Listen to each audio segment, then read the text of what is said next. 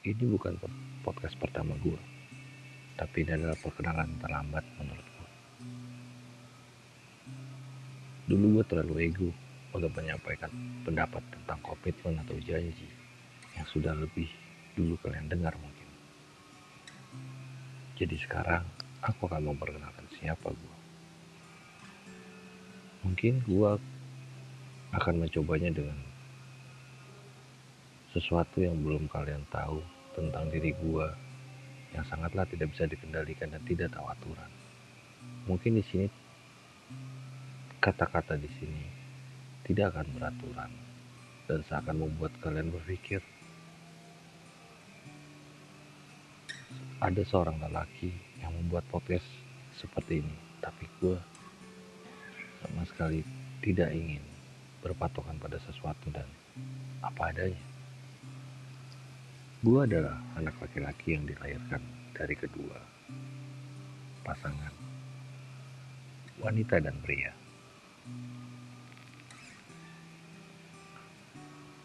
Gue lahir di bulan Oktober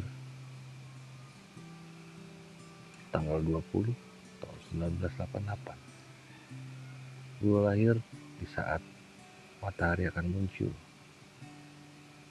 dan nama belakang gue itu adalah dua keluarga besar yang dijadi satukan. Gue adalah cucu pertama dari dua keluarga besar yang sangat tidak tahu diri, sangat tidak tahu diuntung, sudah hidup dengan keluarga seperti itu.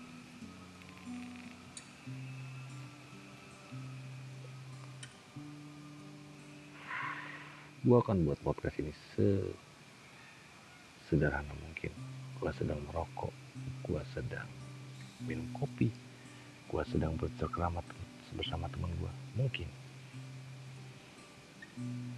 Gue adalah seorang laki-laki yang tidak tahu arah jalannya ke mana sampai sekarang. Gue dari kecil seorang pembangkang melawan perkataan orang tua. Hingga akhirnya gue terjerat dalam busuknya obat-obatan terlarang atau narkoba.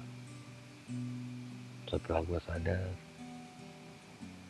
lalu gue masuk sebuah rehabilitasi. Di Demak sebuah kota kecil yang beribu kotakan Semarang Mungkin kalian tidak pernah tahu Demak itu apa. Demak itu di mana? Demak itu sebuah kata apa? Mungkin kalian akan menemukan Demak itu sebuah kata, bukan sebuah kota. Di rehab itu gue banyak belajar tentang agama. Di rehab itu gue belajar tentang kehidupan. Dahulu gue mungkin menyelesaikan suatu masalah dengan menelan satu butir obat, tiga, dua butir obat, tiga butir obat, Lalu semua lupa dan ada masalah baru dan terus seperti itu. Selama empat tahun, gue selalu seperti itu. Dan sekarang, gue merasa menjadi pribadi yang baru yang lebih diam, yang lebih mengalah, yang lebih mau mengerti keadaan, tapi tidak akan tinggal diam jika seseorang menyuruhku, memerintahku tanpa melihat dirinya. Itu benar atau tidak melakukan perintah itu kepadaku. Jadi, inilah aku dan jiwa.